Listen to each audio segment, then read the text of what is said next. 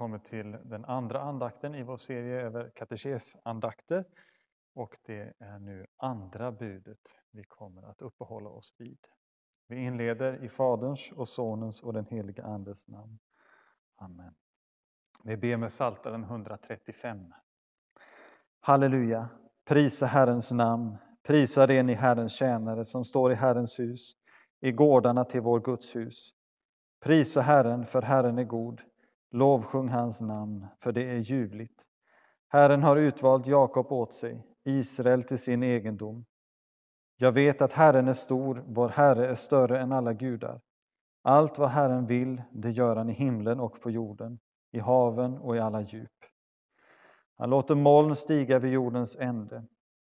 Han sänder blixtar med regn och skickar ut vinden från sina förråd. Han slog de förstfödda i Egypten, både människor och boskap. Han sände tecken och under mitt i det i Egypten, mot farao och alla hans tjänare. Han slog många folk och dödade mäktiga kungar, Sichon, Amorenas kung, Og, Varsans kung och Kanans alla riken och gav deras land som arvedel, till arvedel åt sitt folk Israel. Herre, ditt namn består för evigt. Herre, ditt rykte från släkte till släkte. För Herren ska döma sitt folk och förbarma sig över sina tjänare. Hedna folkens avgudar är silver och guld, verk av människohand. De har mun men kan inte tala, ögon men kan inte se, öron men kan inte höra. Ingen ande finns i deras mun. Det som har gjort den blir som det, likaså alla som litar till den. Israels hus lova Herren, Arons hus lova Herren, Levis hus lova Herren. Ni som fruktar Herren, lova Herren. Lovade Herren från Sion, han som bor i Jerusalem. Halleluja.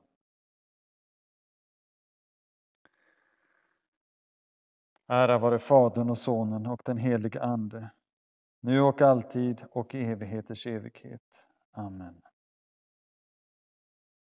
Andra budet. Du ska inte missbruka Herren i Guds namn. För Herren ska inte låta den bli ostraffad som missbrukar hans namn. Vad är det? Vi ska frukta och älska Gud så att vi inte använder hans namn till förbannelser, svordom, vidskepelse, lögn och bedrägeri utan åkallar det i all nöd, ber, tackar och lovar. I det första budet kan vi säga att vi talar om det som finns i hjärtat och i andra budet, lite förenklat, hur det som finns i hjärtat kommer till uttryck i våra ord, vad vi talar med vår mun. Gud har gett oss sitt namn och då är det viktigt att vi använder det på ett gott sätt, på ett riktigt sätt och inte missbrukar det.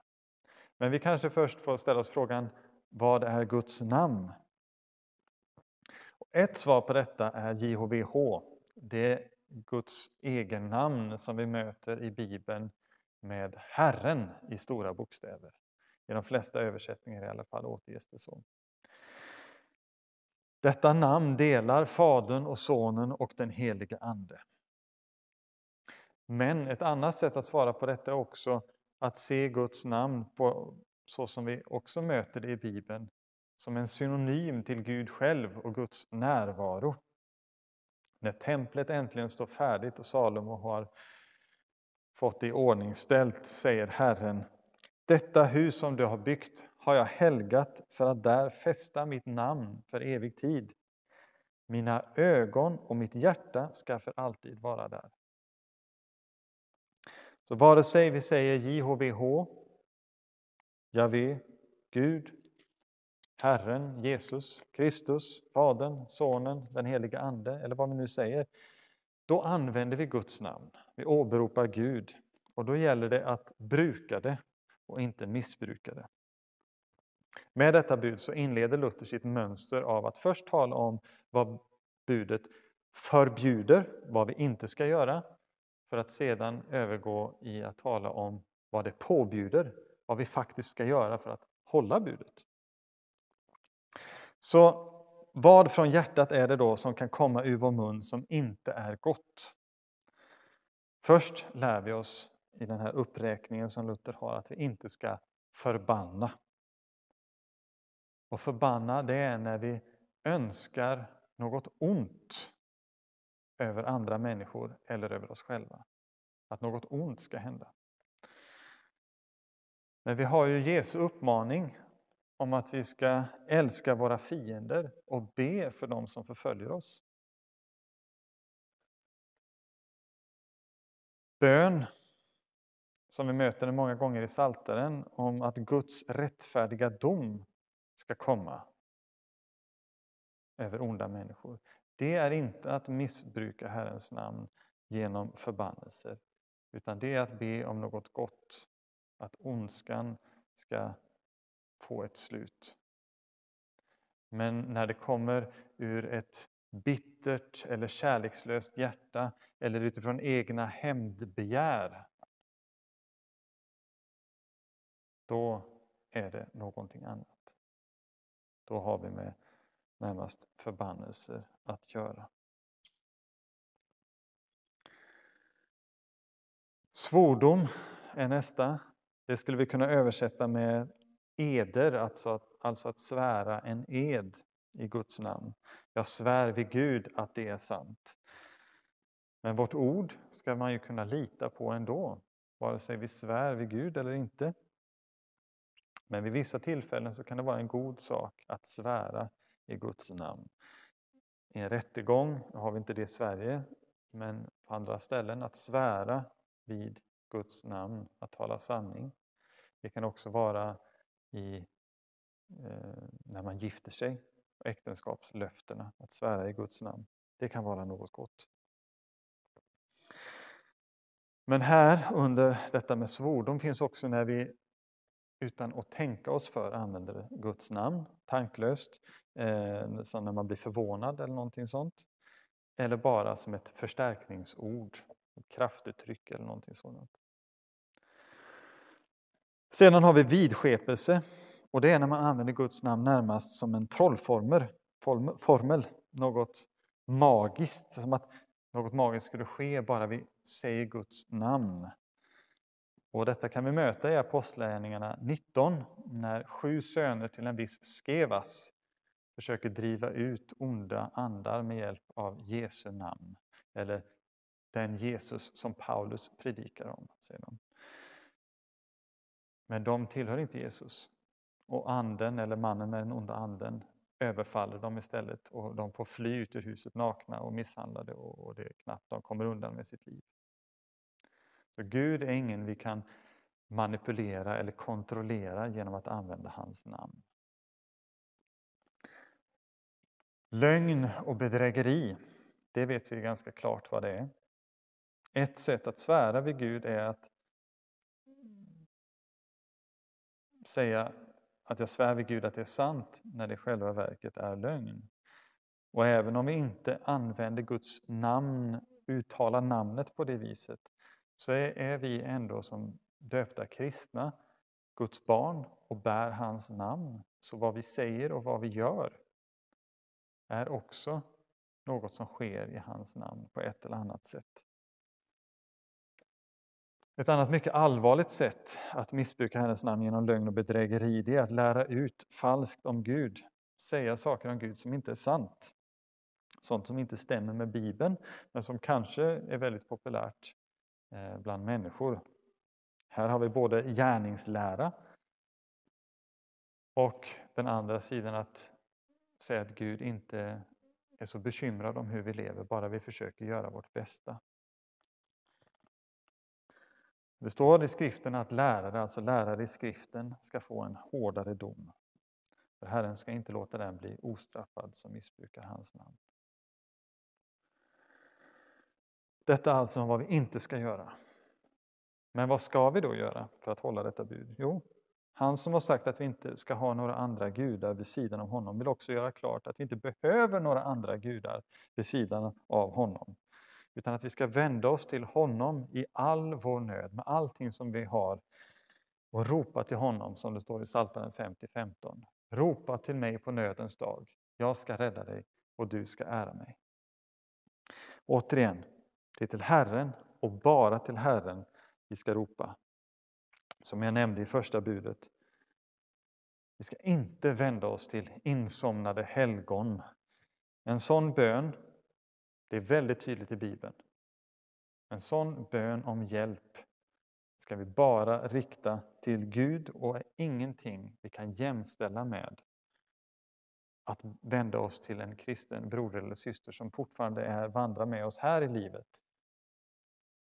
Det är någonting annat, för det har vi löften om. Det har vi exempel på i skriften, så det ska vi gärna göra. Be för varandra och be om förbön. Men när vi vänder oss till sådana som har gått till Herren före oss, då har vi inga löften och vi har inga exempel. Och därför är det något vi ska avhålla oss ifrån. Men Gud vill att vi ska ta löftena som finns kopplade till honom. Vad, vad saknar vi då? Varför behöver vi vända oss till någon annan? Gud har gett oss så stora löften att när vi vänder oss till honom och ber med dem, ja då är det en bön i Jesu namn. Det är inte bara att skriva under sin bön med att säga i Jesu namn, utan det är att be med Guds löften till oss och be i enlighet med hans vilja. Det är att rätt bruka Herrens namn. Men vi får också ha tillåtelse att ropa ut vår förtvivlan och be om saker som vi inte är säkra på är i enlighet med Guds vilja. Men då får vi också ha med i vår bön, ske din vilja Gud, inte min. På samma sätt som Jesus i ett semane bad. Och för allt han är, för allt han gör i sin barmhärtighet och kärlek ska vi också tacka och lova honom, prisa hans namn. För ingen annan ska ha äran för det som Gud själv gör. Detta nu först då om vad Gud lär oss i detta bud. Det andra är tacksägelse. Hur ska vi tacka Gud utifrån detta? Jo, vi får tacka Herren att han har gett oss sitt namn. Ett namn är, ger en tillgång till en person. Ett namn ger en inbjudan till en relation. Så vi får tacka Gud att han inte vill hålla oss på avstånd utan inbjuder oss att komma nära honom. Och vi får tacka för att han har gett oss sitt namn för att vi ska använda det. Det är ingen liten sak att Gud allsmäktig gärna vill att vi, vi vänder oss till honom med allt som tynger oss, drabbar oss eh, med skuld. Och inte heller allting som vi gläds över eller är tacksamma för. Hade det varit den populäraste eleven, kanske den snyggaste eleven, eller en skådespelare eller artist eh, som är känd, eller kungen själv. Om någon av dessa hade kommit till oss och önskar veta vad är det som du bär på? Vad går du och tänker på? Hur har du det? Kan jag hjälpa dig på något vis? Vad är du glad över? Då hade vi känt oss väldigt sedda och uppskattade och tyckte det varit något väldigt stort förmodligen. Men nu, alla dessa människor, det är sådana som en dag ska böja knä inför Herrens tron. Alla dessa. Och det är den som de ska böja knä inför som kommer till dig och frågar Vad tynger dig? Vad gläder dig? Tala med mig. Låt mig få ta hand om allt. Be med alla löften jag har gett dig. Så om vi bara kunde förstå en liten del av allt detta så skulle vi aldrig kunna sluta att lovprisa Herren. Tacka honom för hans stora godhet och kärlek. Men om vi nu rör oss in då också till det tredje, vikten att vad har vi att bekänna? Så måste vi också erkänna att vi så många gånger har tagit allt detta för givet, tagit hans namn för givet. Något självklart och inte som den oerhört stora och värdefulla skatt som det faktiskt är. Att vi tanklöst använt hans namn, inte minst i gudstjänst och, och, och bön, där våra läppar har format hans namn medan våra tankar var någon annanstans, kanske också våra hjärtan får också bekänna att vi många gånger har ljugit och inte bara ljugit aktivt utan också undanhållit sanningen. Inte låtit våra ord och handlingar bli något som ärar Herrens namn som vi fått att bära som kristna, som Guds barn. Vi får också bekänna att vi så många gånger har vänt oss och åkallat, ropat i vår nöd till annat och andra innan Herrens namn har varit på våra läppar. Och på det viset avslöjat vårt hjärtas förtröstan och prioriteringsordning. Vi får också bekänna att vi har glömt att tacka Herren för alla hans välsignelser, hans goda gåvor, välgärningar och glömt att lova och prisa hans namn. Och också, inte minst, att vi många gånger istället själva önskat få äran. Att vårt namn ska bli stort. Att vårt, att vårt namn ska få bli prisat och ärat. Kommer vi till det fjärde, bönen. Vi får be Herren att han bevarar oss från att missbruka hans namn, vare sig det handlar om att använda det till fel saker eller att vi inte använder det alls, glömmer bort honom och de löften han har gett när vi ber i hans namn. Vi får också be Herren att han lär oss använda hans namn rätt. Att vi under alla livets omständigheter har vårt hjärta vänt mot honom och hans namn på våra läppar före andra saker. Och för att vi ska våga använda hans namn så får vi också be om visshet att vi är hans älskade barn. Att vi får be till honom som ett barn ropar till sin far i alla livets stunder. Och att vi får frimodigt göra det. Till sist får vi också be honom om en rätt tacksamhet, att vi kan se vilken stor gåva det är att han har gett oss sitt namn. Så att det finns i vår mun den här nya sången som vi läser om i Bibeln. Sången till honom som sitter på tronen och, på Guds, och till Guds offerland. Så låt oss nu också kort be utifrån katekesstycket. Käre Far i himlen, du som har gett oss ditt heliga och dyra namn.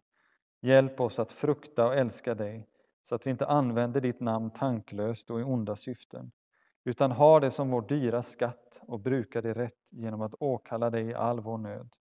Be enligt dina löften om allt vad vi behöver och tacka och lova dig för din frälsning och alla dina välsignelser.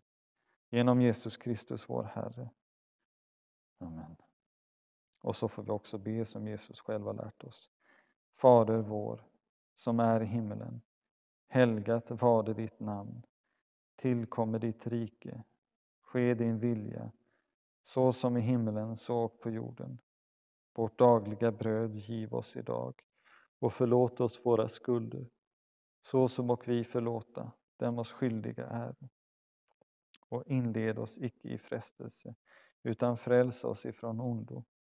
Ty riket är ditt och makten och härligheten i evighet. Amen. Jag avslutar så med att sjunga ifrån salmen 1991, nummer 871 och texten kommer att komma upp här i bild medan, medan vi sjunger och det är vers 3 denna gång.